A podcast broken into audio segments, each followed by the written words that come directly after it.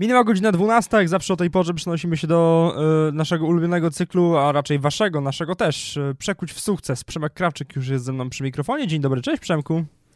Ulubiony y, cykl każdego kampusowicza. Dzień dobry, Kamilu. Każdego Polaka. Kamil Kuć również po tej. Dzień dobry, cześć. Dzisiaj będziemy rozmawiać o, o, o pięknych rzeczach. Jeśli oglądaliście serial Sukcesja, to no, to, to będziecie wiedzieli więcej na pewno niż przeciętny słuchacz. Ja na przykład nie oglądałem. Już jest na mojej liście do obejrzenia od dłuższego czasu, a ja jeszcze nie widziałem. Znaczy, z jednej strony to jest jakiś totalny skandal, że ty tego jeszcze nie widziałeś, Kamil, ale z drugiej strony nie jest to, to taka, taka zła informacja, bo jak ja będę e, zaczynał spoilerować, to ty będziesz mnie zatrzymywał, bo jak ty tego nie widziałeś, to ty będziesz e, słyszał, kiedy są spoilery i możesz mówić wtedy spoiler alert i ja... E, no to ostrożnie, no, ostrożnie. Dobrze, więc nie, więc nie będę się jakoś strasznie mocno e, posuwał w tej fabule. No ale sukcesja. Myślę, że e, to, że Kamil, ty tego nie widziałeś, nie zmienia faktu, że 90% e, osób, które nas słuchają, widziały ten serial. No bo jest to jeden z najlepszych seriali w historii telewizji i to nie jest tylko moja opinia, ale też IMDb, Filmweb, Rotten Tomatoes i inni e, krytycy e, twierdzą to samo. I opowiada o historii rodziny Royów. Jest głowa rodziny, Logan Roy, który jest E, magnatem, właścicielem e, tak naprawdę takiego wielkiego e, konsorcjum medialnego, magnatem medialnym. Oczywiście perłą w koronie jest telewizja, ale oprócz telewizji są też oczywiście gazety, parki rozrywki, tak, takie luksusowe rejsy strony internetowe. No i Logan Roy, który jest już człowiekiem w sile wieku, E, ma dzieci, ma czwórkę tych dzieci. Najstarszy to Conor, e, Później, e, później jest kolejny syn Kendall, e, jego córka Shoban i najmłodszy syn, e, czyli Romulus. No i sukcesja, jakby cały plot opiera się na tym właśnie, że Logan Roy chciałby, czy planuje jakoś powoli swoją emeryturę, czy planuje to, co będzie się działo po jego śmierci, no i planuje też właśnie swoją sukcesję. Sukcesję, czyli przekazanie sterów w firmie jakby swojemu potomkowi, prawda? I i tym jest właśnie sukcesja. Sukcesja w biznesie y, to y, w przypadku firm rodzinnych właśnie oddanie władzy w stery młodszego, y, młodszego pokolenia. No i dlaczego my rozmawiamy o tej sukcesji? Mm, rozmawiamy o tej sukcesji dlatego, że mm, historia rodziny Rojów jest momentami bardziej, mm, innymi momentami mniej, ale inspirowana prawdziwą historią. Yy, jest inspirowana historią rodziny Mardochów i imperium e, Ruperta e, Mardoka. No, każdy z Was też kojarzy, prawda, telewizję Fox. Kamil, czy tobie się zdarzyło oglądać kiedyś Fox News albo... W... Nie, no oczywiście, że tak. Kojarzę telewizję Fox, kojarzę telewizję też Fox News 24. Może nie będę mówił tutaj o tym, o tym czy się zgadzam z linią polityczną e, tejże stacji, ale tak, kojarzę. No, Fox to jest też znowu jak, jakaś perła w koronie, bo Rupert Murdoch jest Australijczykiem, wyobraźcie sobie, to jest historia sukcesu człowieka, który urodził się w Australii, w Melbourne. E, ma 91 lat obecnie mm, i News Corporation to jest nazwa tego jego wielkiego konglomeratu. W jego skład, w tej prawdziwej e, News Corporation Mardochowej wchodzi, e, czy wchodziły Daily Telegraph, The Times, New York Post. Y, Robert Murdoch był też właścicielem wielu klubów y, ligi rugby. Y, kojarzycie na pewno Los Angeles Lakers. Wiadomo. To też były kluby, które były własnością właśnie Imperium Mardoków, e, studia filmowe mm, z grupy Fox, telewizje kablowe, e, serwisy internetowe, MySpace w pewnym momencie należał do Mardoka, chociaż to była zła inwestycja, bo on kupił MySpace za chyba 580 milionów dolarów, a sprzedał za kilkadziesiąt milionów, więc to akurat mu się nie za bardzo opłaciło. Na... Są lepsze i gorsze biznesy w życiu biznesmena zawsze. Y, nawet była, słuchajcie, taka polska spółka TV Inwestycje i tam kiedyś y, Imperium Bardoka w to zainwestowała, y, też ze słabym skutkiem, ale jak już się ma tyle pieniędzy, to Często strategia inwestycyjna jest taka, że inwestujemy w 100 podmiotów i 98 y, przyniesie nam straty, ale dwa przyniosą nam takie zyski, że y, przebijają wielokrotnie te 98, w których ponosimy straty. Więc to jest takie spray and pray, ale w wydaniu multimiliarderów. E, tak, więc sam Marduk się urodził w Melbourne, tak jak właśnie mówiłem. E, no i e, to nie jest historia Pucybuta, bo Rupert Murdoch miał ojca, który już działał w branży medialnej i to była właśnie, to była właśnie pierwsza sukcesja w ich rodzinie, bo on przejął po ojcu te udziały w News Limited. News Limited był właścicielem telewizji i gazet w Australii, głównie w Melbourne, więc to, było, to był bardziej lokalny biznes, ale już powiedzmy, że nie najmniejszy. Ojciec bardzo mu pomógł stawiać te pierwsze kroki w biznesie. No i Rupert Murdoch od samego początku miał taką smykałkę do pracy w mediach, ale nie chodziło o to, że on był dobrym dziennikarzem czy dobrym prowadzącym, tylko on bardzo dobrze czuł te media ze strony biznesowej. Wiedział w co inwestować, wiedział jakie programy należy odpalać, żeby one się oglądały i on bardzo chciał pracować w tych mediach, więc no tutaj było czuć, że, że chłopak ma, ma talent. Później on się przeprowadził do Stanów Zjednoczonych i w latach 80. stworzył Fox Broadcasting Company. To jest taka, to była taka sieć, e, e, która była bardzo dobrze oceniana przez widzów. Ona wtedy nie była jeszcze nacechowana politycznie, e, ale mm, w latach 90.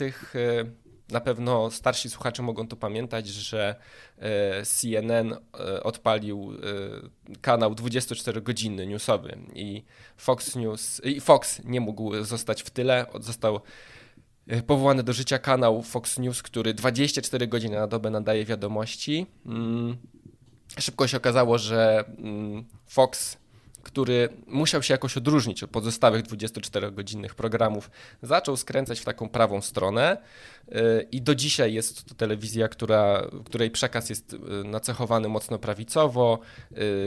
Myślę, że w żadnej innej telewizji e, przekaz związany z Donaldem Trumpem nie jest tak pozytywnie wysyłany w świat.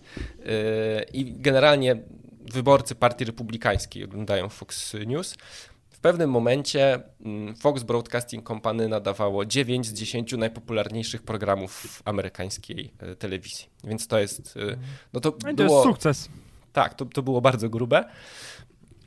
Pierwsze takie duże tąpnięcie to był rok 2006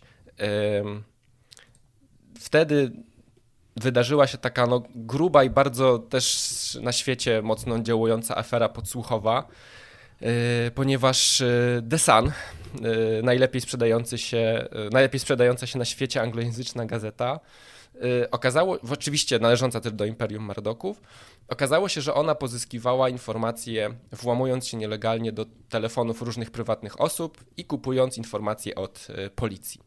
Okazało się, że ponad 7 tysięcy osób było poszkodowanych w tym sensie, że informacje o nich były nielegalnie pozyskiwane. Yy, Rupert Murdoch w swoim stylu, słuchajcie, stwierdził, że ja to zatrudniam, moi drodzy, ponad 50 tysięcy osób.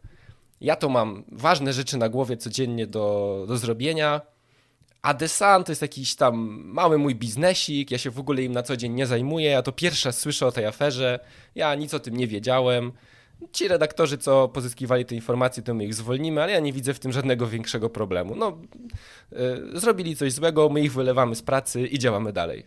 Więc to po pierwsze, ciężko jest wierzyć mi w to, że Rupert Murdoch nie miał świadomości, że coś takiego się dzieje.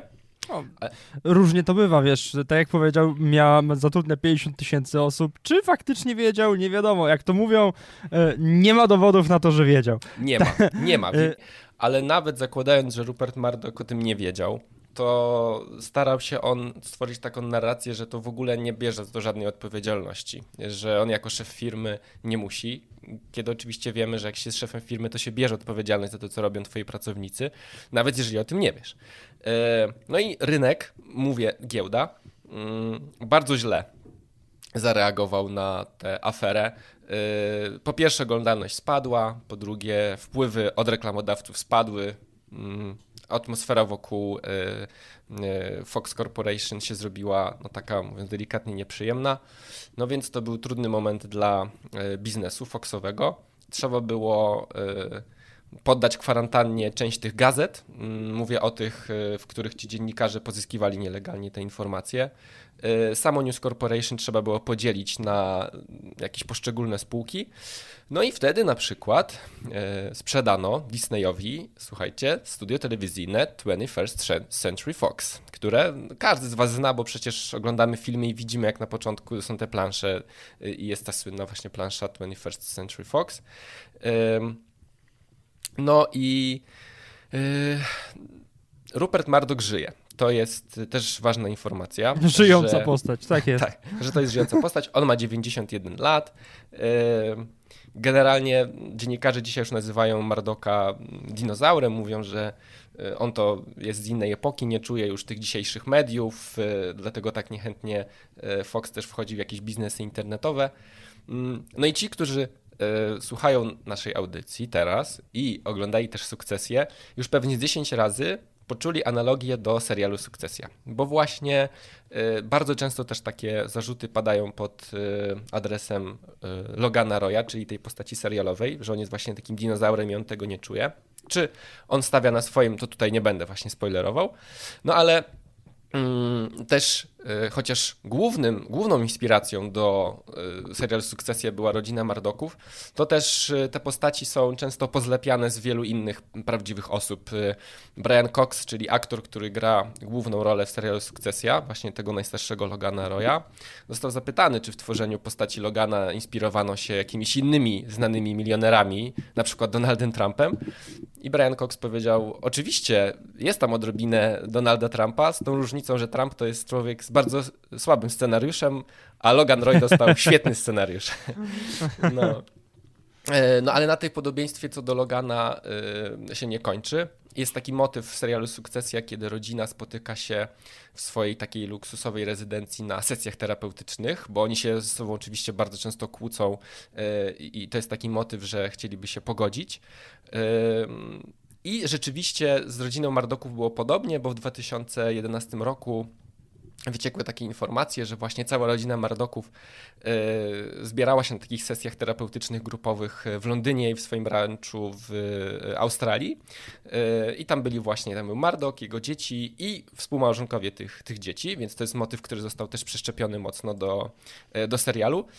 No i podobieństwo tych dzieci też jest uderzające, bo Kendall, czyli to jest drugi najstarszy syn, ten, który w serialu, jak się serial zaczyna, to Logan Roy y, deklaruje, że jemu odda władzę i, i ten Kendall jest taki trochę namaszczony i przygotowany, że on ją przejmie, to jego pierwowzorem właśnie jest Laklan Mardok, y, który przez media, przez samego Mardoka był bardzo często nazywany właśnie jego następcą i wszyscy myśleli, że no, w okolicach 2003-2004 roku Rupert Murdoch już zrezygnuje i Lackland zostanie jego e, następcą jako szef e, Foxa. E, natomiast Murdoch stwierdził, że on to w sumie jeszcze się dobrze czuje, chciałby nadal kierować firmą, którą założył. No i Lackland Murdoch w 2005 roku Odszedł jako dyrektor operacyjny z News Corporation, on też był wydawcą w New York Post i w podobny sposób właśnie w serialu Sukcesja Kendall Roy e, odchodzi e, z rodzinnego biznesu, on później do niego wróci, później być może on znowu odejdzie, zobaczycie jak to się tam, jak to się tam dzieje. Spoilery! Też... No, ale to, to, to, Dobra, to był spoiler alert, ale tutaj, ale y, jest też w serialu Sukcesja taka czarna owca, najmłodszy syn Royów, czyli Roman. I on też ma w sobie dużo z prawdziwego syna Ruperta Mardoka, czyli Jamesa.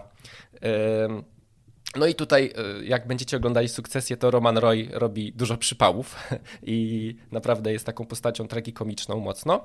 E, no i właśnie James Murdoch był w rzeczywistości bardzo mocno e, zamieszany w tą aferę podsłuchową.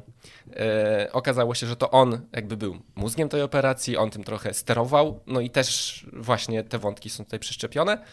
No i jeszcze taki, e, jeszcze takie dwa szybciutkie, zanim, e, zanim tutaj się przeniesiemy jeszcze do, na łono pięknych utworów muzycznych kampusowych. To jest jeszcze Sioban, czyli córka tego serialowego Logana Roya, która też jest inspirowana córką Mardoka, Elizabeth, ponieważ Sioban w serialu jest taką konsultantką polityczną, ona, ona trochę konsultuje, trochę organizuje kampanię polityką e, i rzeczywiście e, Elizabeth w 2001 roku, prawdziwa Elizabeth Murdoch założyła w 2001 roku firmę konsultingową Shine Limited e, i też pomagała właśnie politykom. Ale ostatecznie jej firma została przez News Corporation wykupiona w 2011 roku, więc Elizabeth hmm. wróciła na łono ojcowskich biznesów.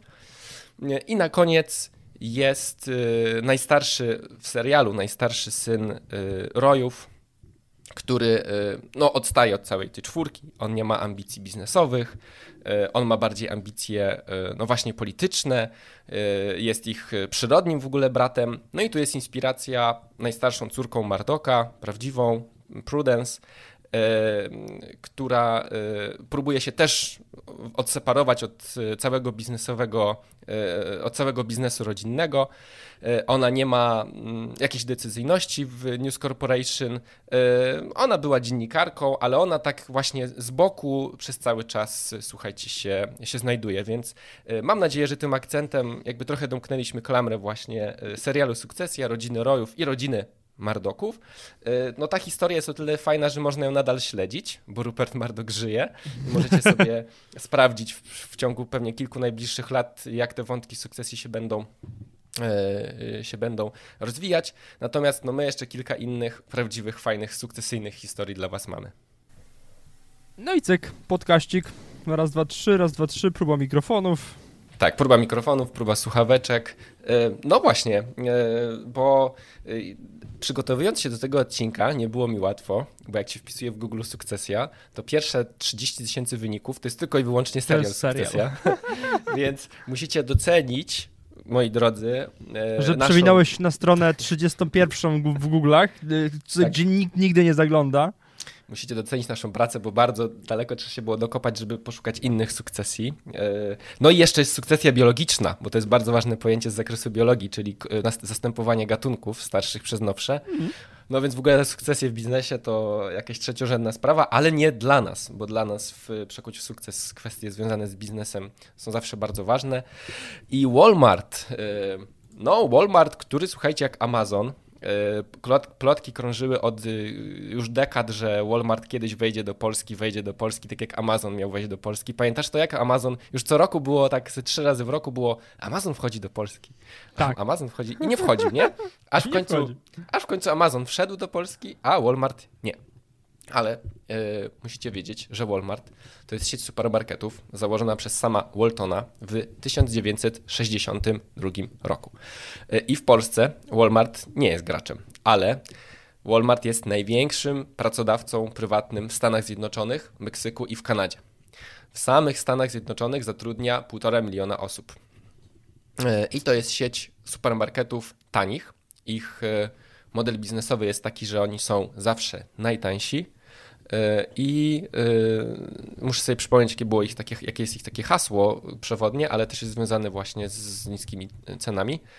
No w ogóle wokół Walmartu jest mnóstwo kontrowersji, jeszcze więcej pewnie niż wokół Amazona, dlatego że y, bardzo często na jaw wychodzą takie historie y, zaniżenia płac pracowników, oczywiście zakaz zakładania związków zawodowych, nawet większość pracowników Walmarta nie ma ubezpieczenia medycznego.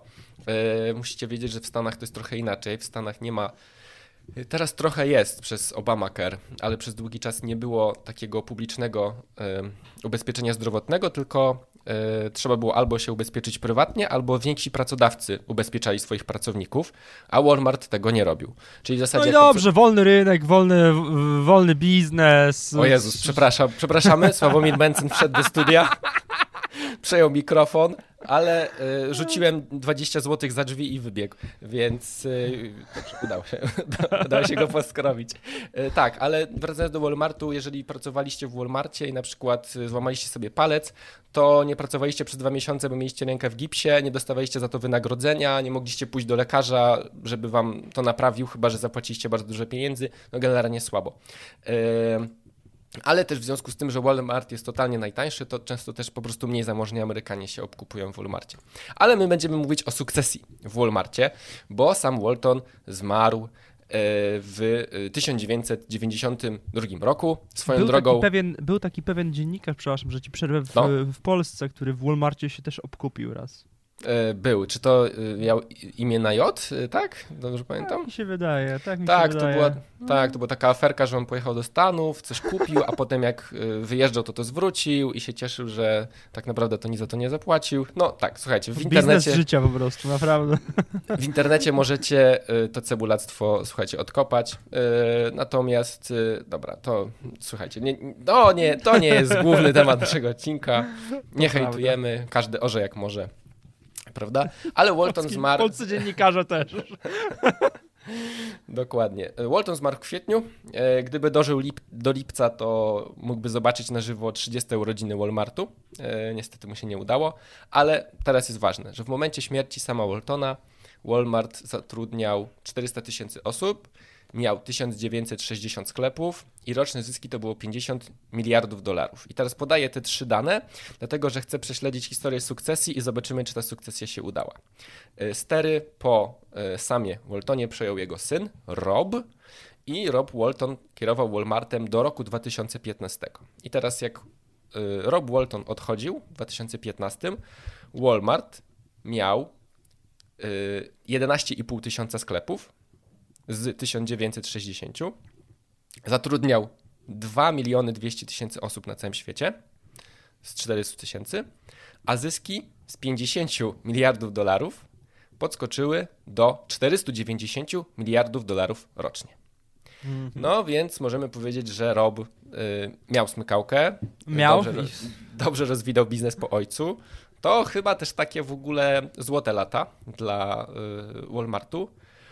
W 2015 roku stanowisko CEO Walmartu przejął jego zięć, e, e, Greg Penner, już tutaj nie Walton.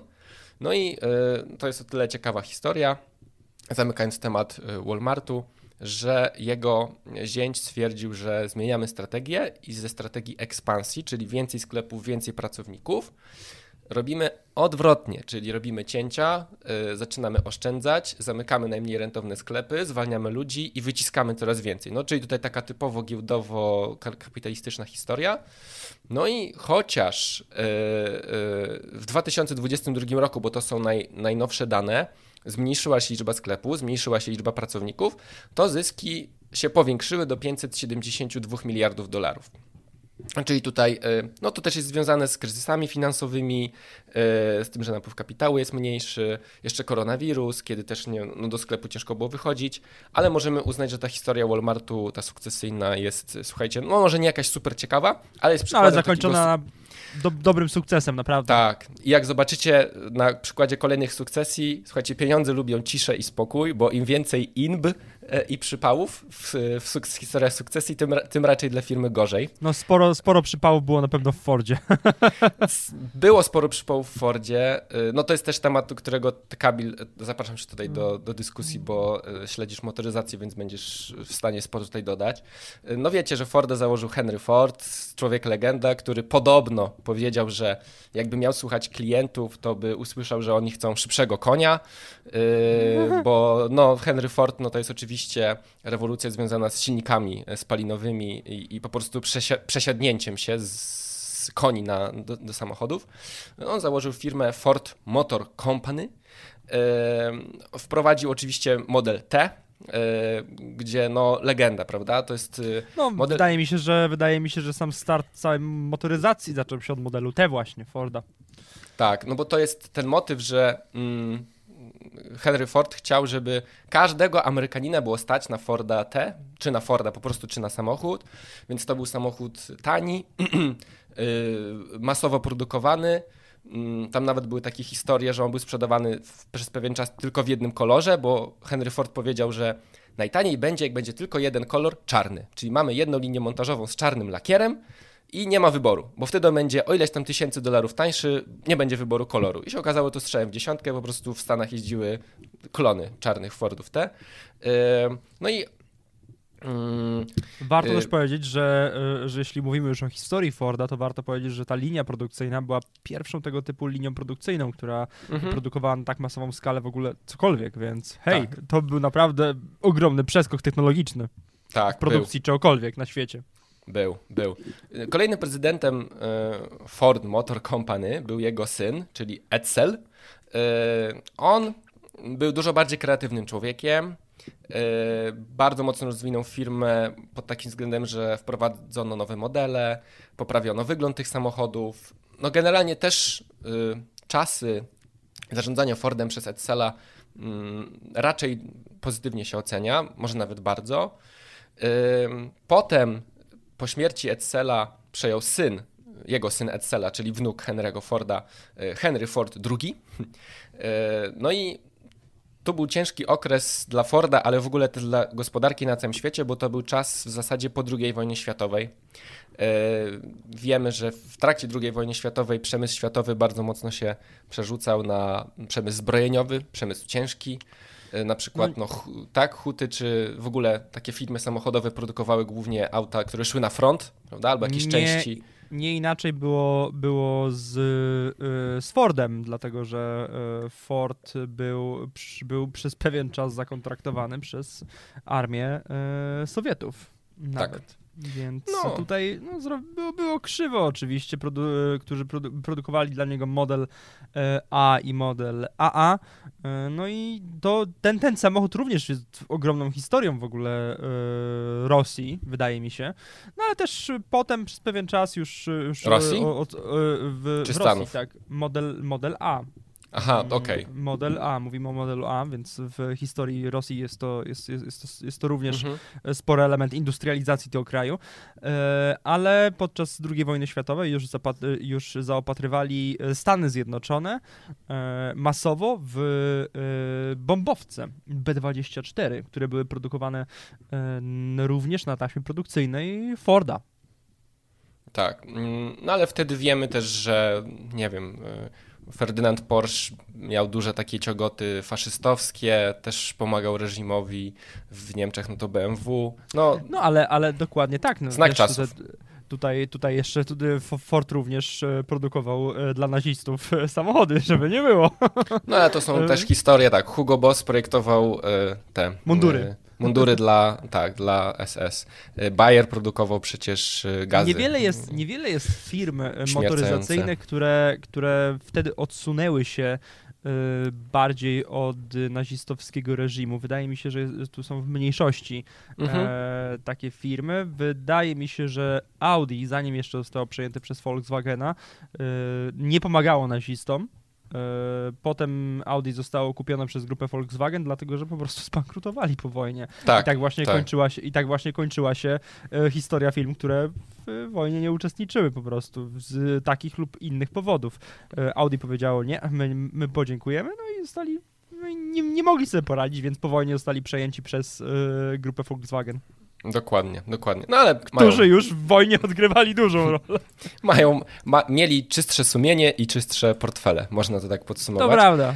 E, no ale zamykając wątek Henry'ego, wątek Henry'ego Forda II, za jego panowania wprowadzono Ford, Forda Mustanga, e, więc e, ikona, ikona marki, ikona sportów motorowych. Możemy powiedzieć, że Henry Ford II może to sobie po stronie plusów zapisać. Mm, Brat Henry'ego Forda II, czyli William 60. Clay Ford. Ford, y, y, Ford Mustang, pierwszy z 64 roku, to jest absolutnie legendarny samochód. One dalej jeżdżą, dalej są, mhm. dalej są doprowadzane do idealnych stanów, dlatego że ich ceny osiągają po prostu zawrotne kwoty. To są legendarne i dalej przepiękne samochody, więc ponadczasowe, absolutnie. Tak. Teraz trochę to, teraz, teraz tą ponadczasowością zobaczymy jak będzie, ale kto wie. Oczywiście. E, brat Henry'ego Forda II, czyli William Clay, mm, był kolejnym CEO Forda. E, on był e, zaangażowany w rozwój tej marki chyba do 2014 roku, ale to już zaczął się taki czas, kiedy generalnie przemysł motoryzacyjny zaczął się rozwijać w Azji. I na pewno kojarzycie Japonię, kraj, który dał nam Toyotę I e, Toyota po wejściu na rynek amerykański zaczęła powoli wypierać e, Forda i inne marki amerykańskie, takie jak nie wiem, Chrysler chociażby, prawda? I tutaj zaczynamy już widzieć złe decyzje. Mm, William Clay momentami bardziej niż rozwijaniem firmy samochodowej zajmował się skupowaniem kolejnych zespołów w lidze NFL. Był fanem Detroit, Lions i momentami bardziej zajmował się zarządzaniem w Detroit Lions niż w Fordzie. No i tutaj przechodzimy do Alana Maleja, dlatego że kojarzymy wszyscy kryzys światowy, który rozpoczął się w Stanach Zjednoczonych ten kryzys bardzo mocno odbił, gospodarczo się bardzo mocno odbił w, na mieście Detroit, bo musicie wiedzieć, że Detroit jest takim miastem matką dla większości firm samochodowych ze Stanów Zjednoczonych. Mm, te firmy zaczęły bankrutować jedna po drugiej, zaczęły prosić rząd Stanów Zjednoczonych e, o ogromne pożyczki. To są takie śmieszne historie, bo szef Chryslera pojechał do Białego Domu e, nowym modelem samochodu, żeby pokazać, że Chrysler ma jeszcze szansę się wygrzebać z tego kryzysu. To było auto hybrydowe, bo chcieli też pokazać, że będą w stanie rywalizować z Toyotą, która już wtedy sprzedawała hybrydowe samochody. I to auto w połowie drogi się popsuło. Więc prezes Chryslera to była taka podróż, która była transmitowana w telewizji. Oni sobie jadą i nagle się auto popsuło. Pan prezes Chryslera, Chryslera uwaga, musiał się przesiąść do Toyoty, która go zawiozła. O nie, nie znałem tej historii wcześniej. Która go zawiozła na lotnisko i musiał prywatnym jetem dolecieć do Białego Domu, także tak się skończyła ta historia. Smutna. E, zwolniono dziesiątki tysięcy ludzi. Detroit do dzisiaj jest e, miastem, które się odradza powoli z popiołów. E, I no, okazuje się, że te kolejne pokolenia mm, jakby potomków Forda zaprowadziły tę firmę na skraj przepaści i zatrudniono Alana Maleje, Malejego, Maleja. To była osoba totalnie z zewnątrz. On przejął stery w Fordzie. Przeprowadził suchą nogą, jak to się, na ile się dało, Forda przez ten kryzys finansowy. Ford się trochę odrodził z popiołów, dzisiaj firma znowu ma się bardzo dobrze, ale historia Forda jest historią sukcesji, w której raczej pikowaliśmy w dół i dopiero zatrudnienie osoby z zewnątrz pozwoliło tę sytuację uratować, więc... No wiesz, to... to, to z, z, historiami, z historiami sukcesji w firmach ja zawsze uważałem, że jest bardzo podobnie jak z... E, przejęciami władzy e, przez, w monarchii, e, mhm. w każdego rodzaju monarchii. Raz jest dobrze, bo może trafisz na, do, na dobrego potomka, który tak. będzie miał taką samą smykałkę jak ty, a może nie, no masz szansę 50 na 50, że przejmie albo cechy matki, albo cechy ojca, więc tutaj no chyba, że u matki też było, były zapędy biznesowe w rodzinie, to może mamy większe szanse, ale to widzicie, 50 na 50, a może trafi nam się szaleniec, który nie będzie będzie w stanie e, związać lewego końca z prawym i, e, i doprowadzi firmę do upadku. Więc dokładnie tak, oh, kraj do upadku. Więc firma, kraj, jedno i to samo praktycznie, tylko na inną, inne skale. Więc y, bardzo podobnie działa to i tutaj. Więc bardzo często jest tak, i bardzo często też w historii świata było tak, że dopiero y, władca z zewnątrz, bądź już prezydent elekcyjnie wybrany, y, dopiero doprowadzał, doprowadzał kraj do funkcjonowania poprawnego, aniżeli, aniżeli monarchia. Więc to był główny problem monarchii i to jest również główny problem sukcesji. Tak, tak. No nie bez powodu w spółkach jest CEO, ale jest też zarząd, prawda? Jest też Dokładnie. rada tego zarządu, yy, więc yy, to myślę, że rzeczywiście nie jesteśmy w stanie przez kilka pokoleń tak dobrze trafiać i, i, i, mieć takich sprawnych menedżerów, ale te dwie ostatnie historie, o których chcę opowiedzieć, to, jest, to są w ogóle szalone historie i tutaj się trochę pośmiejemy, a trochę właśnie wyjdzie to, co ty Kamil powiedziałeś przed chwilą. McCain McCain znacie, bo możecie kupić w każdym praktycznie sklepie w Polsce frytki mrożone od McCaina. To jest, ta, to jest ta tak. firma założona w 1957 roku w Kanadzie w Florenceville, to jest prowincja Nowego Brunswicku. E, dwóch braci, Wallace i Harrison McCain. Tutaj nazwa firmy jest po prostu wzięta z nazwiska. Mm, oni dorastając, słuchajcie, byli nierozłączni. Są historie ich biografów, którzy mówią, że oni spali w tym samym pokoju, yy, chodzili razem na wszystkie spotkania biznesowe, byli w zasadzie nierozłączni. Yy, ciężko było trafić na taki moment, że jeden był w innym miejscu niż drugi. Yy, no i oczywiście razem założyli ten biznes, prawda? Y, I przez no, 30 kilka lat było super, e, dogadywali się ze sobą, natomiast na początku lat 2000 się śmiertelnie ze sobą pokłócili i powodem jest, uwaga, sukcesja, bo e, Wallace, e, czyli mm, ten starszy brat, myślał, że mm, stary w firmie przejmie jego syn. I tak właśnie zaproponował. Mówi, słuchaj, słuchaj bracie, słuchaj Harrisonie, mam syna, mm, Michaela, znasz go. On miał Zrobił magisterkę z właśnie zarządzania biznesem e, na kilku uczelniach z tak, tak zwanej Ivy League e, miał okazję studiować. E, on ogarnia, on jest, on jest młody, prężny, on powinien to zrobić, ale Harrison, który też miał dzieci, powiedział, no nie, nie, nie. O nie, nie, w żadnym wypadku. Nie zgadzam się na to. Powinniśmy sprawiedliwie zrobić tak, że ktoś z zewnątrz przyjdzie i przejmie stery w firmie, bo dlaczego twoje dziecko ma je przejąć, a nie moje dziecko? No i się o to y, no, śmiertelnie pokłócili. Mm, w końcu wygrał Harrison, czyli ten brat, który twierdził, że osoba z zewnątrz powinna przejąć y, stery w firmie. Natomiast y, Wallace czyli ten brat, który chciał posadzić na stanowisku kierowniczym swojego syna, y, jego udziały zostały wykupione, a on, uwaga, kupił za te pieniądze największego rywala McCaina, czyli Maple Leaf Foods. I dzisiaj właśnie w Kanadzie dwie największe firmy spożywcze są prowadzone przez dwóch braci. Jeden, który został ze swoim biznesem, y, czy już w zasadzie on nie żyje, ale jest ten biznes w rodzinie, a drugi z braci po prostu kieruje największym, yy, największym konkurentem, więc tutaj bracia się, słuchajcie, pokłócili i właśnie największym powodem tutaj, czy głównym powodem była ta, była ta sukcesja. A czy dla gospodarki to bardzo dobrze akurat tu się wydarzyło, dlatego że konkurencja w gospodarce jest piękną i oczekiwaną yy, rzeczą, więc yy, dobrze dla gospodarki, a źle raczej chyba dla nich. No dobrze, dobrze dla klientów, prawda? Na pewno dobrze i dobrze dla, dla gospodarki, tak. gorzej dla nich samych. No ale tutaj już y, największym przypałem w historii sukcesji na świecie to jest chyba firma Gucci. E, w zeszłym roku mogliście zobaczyć w kinach film e, Dom Gucci.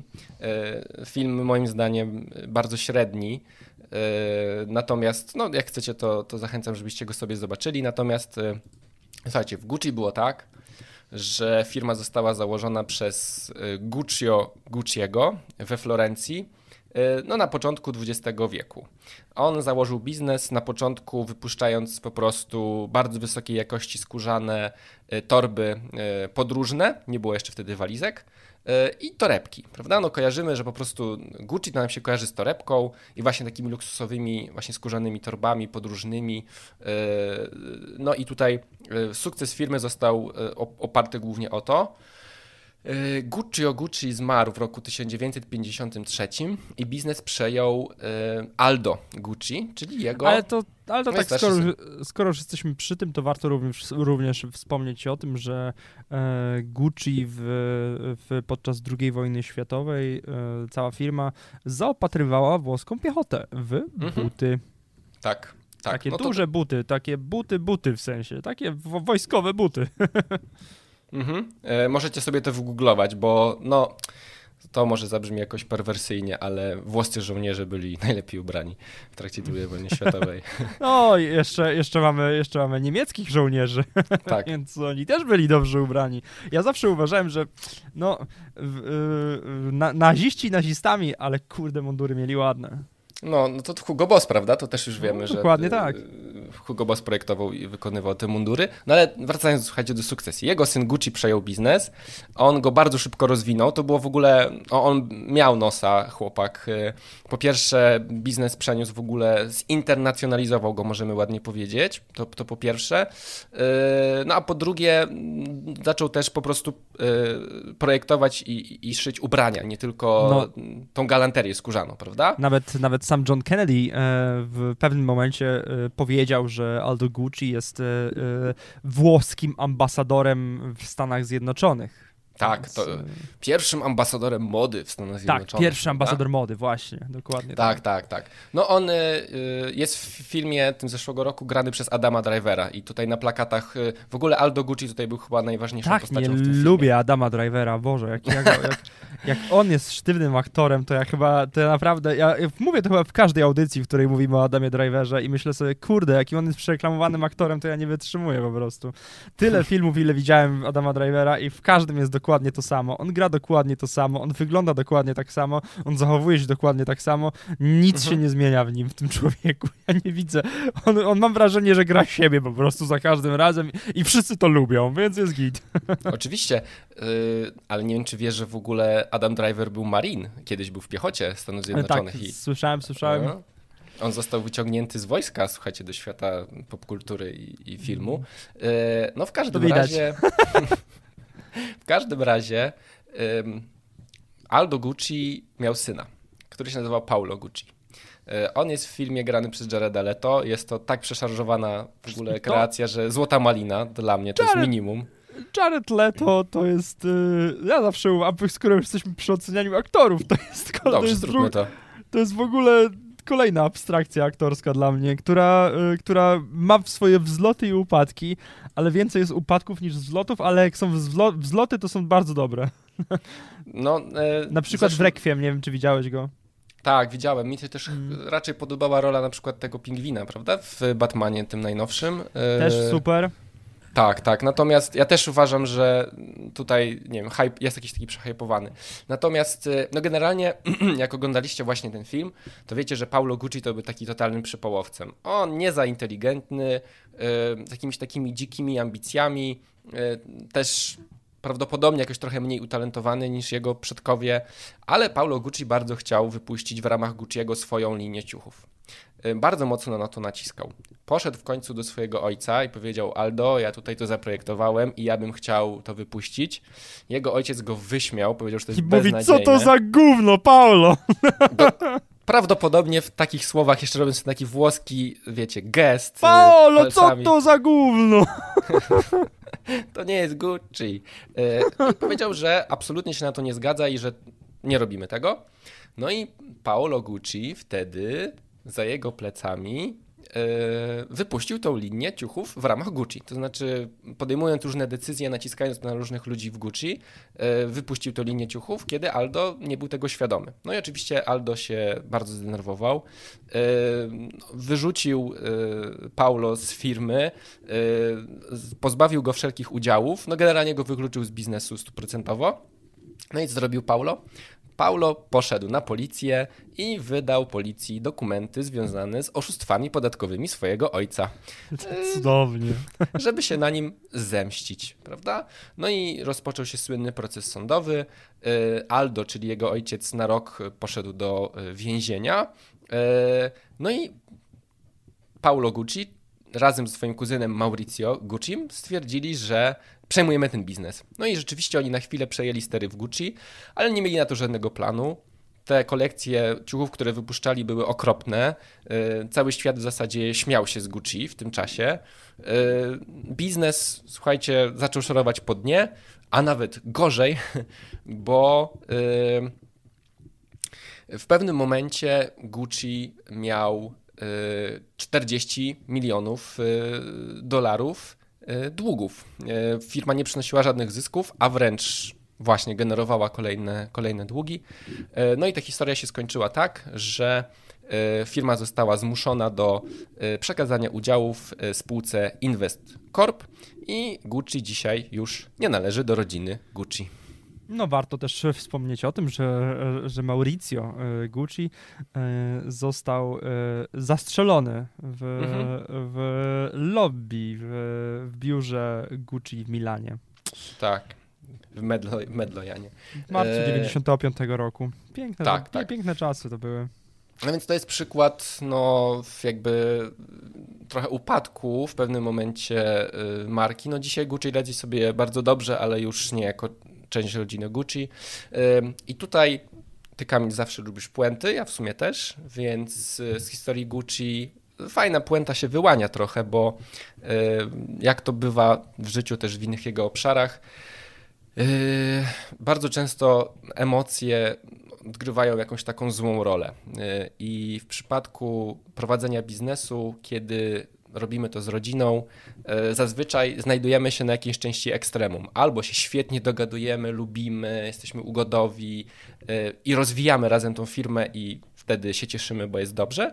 No ale w momencie, kiedy coś się zaczyna psuć, i właśnie dochodzą te emocje związane też z więzami rodzinnymi, tu mamy takie spektakularne historie upadku, więc y, no, tu, tutaj historia Gucci czy historia Forda pokazuje, że nie zawsze prowadzenie firmy rodzinnej się opłaca, chociaż jak sobie wpiszecie w Google, to wiele z największych firm świata, słuchajcie, Samsung na przykład, prawda, albo Bayer, czyli producent leków szwajcarski, to są firmy rodzinne, ale dlaczego im się tak dobrze wiedzie?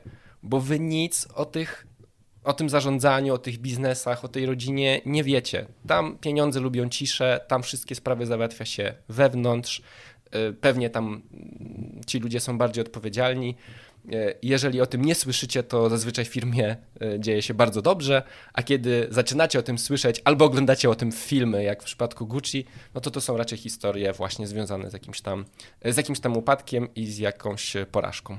No, e, jak to e, e, było już nieraz powiedziane, ludzie bardzo głośno krzyczą, kiedy wygrywasz nagrodę Grammy, ludzie jeszcze głośniej krzyczą, kiedy wygrywasz Oscara, a ludzie, ludzie najgłośniej krzyczą, kiedy upadasz. Dokładnie, tak? Natomiast my z Kamilem absolutnie nie upadamy, tylko jesteśmy na fali wznoszącej. Chciałem tutaj. Ja jeszcze chciałem tylko, przepraszam, przepraszam, że ci przerwę no, na sam koniec śmiało. dodać, że na, na sam koniec dodać, że no Włosi są temperamentni, stąd mamy taką historię e, w, w rodzinie Gucci oczywiście, więc e, w niektórych krajach się kłócą, mm, ale na śmierć, a we Włoszech się kłócą na śmierć faktycznie. więc oni, oni naprawdę e, oni naprawdę mają temperament. Mówiąc o Samsungu, który jest, e, który jest produkcją japońską oczywiście. E, mhm. Tak? Dobrze mówię? Japońska Nie, sam, Samsung to jest południowa Korea. Po, południowa Korea, tak. przepraszam. Tak, tak, tak. E, mówiąc o Samsungu, który jest produkcją południowo-koreańską, gdzie kultura jest zupełnie inna. Mówiąc o Szwajcarii i, Bayeru, i, i, i, i Bayerze, który jest też zupełnie inną kulturą generalnie, więc faktycznie pieniądze lubią ciszę i ci ludzie doskonale o tym wiedzą. Nawet jeśli się kłócą w środku, nawet jeśli coś jest nie tak, to wszyscy tam doskonale wiedzą, że trzymać wszystko y, w ryzach, nie pozwalać wyjść takim aferkom na zewnątrz, nie, nie pokazywać tego. Wiedzą to i właściciele firm, i spadkobiercy tych firm, więc wszyscy y, są doskonale nauczeni tego, że pieniądze lubią ciszę, tak jak Przemek przed chwilą powiedział. I to jest najważniejsza rzecz, zawsze. Niezależnie co się dzieje w firmach, niezależnie komu ją przekazujecie, niezależnie komu, kto, komu jeśli wam jest przekazywana, to dopóki nie wychodzi to na światło dziennie, dzienne, nie ma to żadnego znaczenia. Oczywiście też, dopóki firma dobrze prosperuje, nie ma to żadnego znaczenia. To tak, tak. jest bardzo istotne. Ja tylko e, od razu sprostuję, bo e, tutaj popełniliśmy jedną pomyłkę. Nie Bayer, a Roche. Bayer jest niemieckim przedsiębiorstwem chemiczno-farmaceutycznym, okay. które robi aspirynę, to kojarzycie. Natomiast firma, o którą nam chodziło, szwajcarską, firmę rodzinną, to jest Roche. E, Roche ale, ale, nie mniejsze, ale nie mniejsze sukcesy nawet pewnie większe powiedziałbym, bo to są leki często takie szpitalne. Nie kupujecie ich raczej w aptece, ale jeżeli jesteście w szpitalu, to bardzo często nimi się leczycie i tam są prawdziwe, prawdziwe zyski. Więc kochani, to odcinek numer 92, który powoli dobiega końca. Ja chciałem jeszcze powiedzieć, bo to jest ważne, że mamy pierwszą wpłatę w pomagam.pl live. Igor Brzezowski. Igorze, bardzo Ci dziękujemy. Wymieniamy Ci z imienia i nazwiska i będziemy raz w miesiącu wymieniać wszystkich, którzy y, nas wsparli. I ja tutaj mam taką propozycję, moi drodzy, yy, i Kamilu, przed tobą, że jak dobijemy do 10 osób, które nam wpłacą jakieś środki, to wtedy dla tych 10 osób rozpoczniemy jakiś nowy, mniejszy cykl. Zobaczymy, może pisany, może live'owy, może jakiś dodatkowo podcastowy, więc y, zachęcamy Was. Fajny pomysł, jeszcze, super. My się jeszcze zastanowimy, co to ma być. Y, może po prostu zrobimy nawet więcej niż tylko jedną rzecz, ale tak, to jest jakiś tam kamień milowy dla nas. Chciałem też Wam powiedzieć, że brakuje nam jeszcze 15 osób obserwujących na Spotify, żebyśmy mieli 600 obserwujących. To też będzie dla nas bardzo fajny kamień milowy, więc zachęcamy Was do tego, żebyście słuchali, udostępniali w swoich mediach społecznościowych, podawali dalej, oceniali nas tam, gdzie da się to ocenić, bo to wszystko wpływa na to, że algorytmy zaczynają nas lubić, zaczynają nas podawać też osobom, które nas nie znają, a o to w tym wszystkim chodzi, żeby jak najwięcej osób mogło usłyszeć o historii upadku rodziny Gucci na przykład. Dobrze, dziękujemy wam bardzo serdecznie. E, to był Przekuć w sukces oczywiście. Przemek Krawczyk i Kamil Guć. Oczywiście słyszymy się za dwa tygodnie już z gościem. Tak jest. Za dwa tygodnie dobrze powiedziałeś, że z gościem, bo wiemy już, że to będzie gość, a nie gościni. Ale kto to będzie, to tego się jeszcze dowiecie. Natomiast ja mogę Wam już zdradzić, że jest to bardzo ciekawy i mega inspirujący odcinek. No to, to nic nowego, ale dziękujemy za, za, mały, za, za mały spoiler. Dobrze, trzymajcie się, na razie. Pa, pa.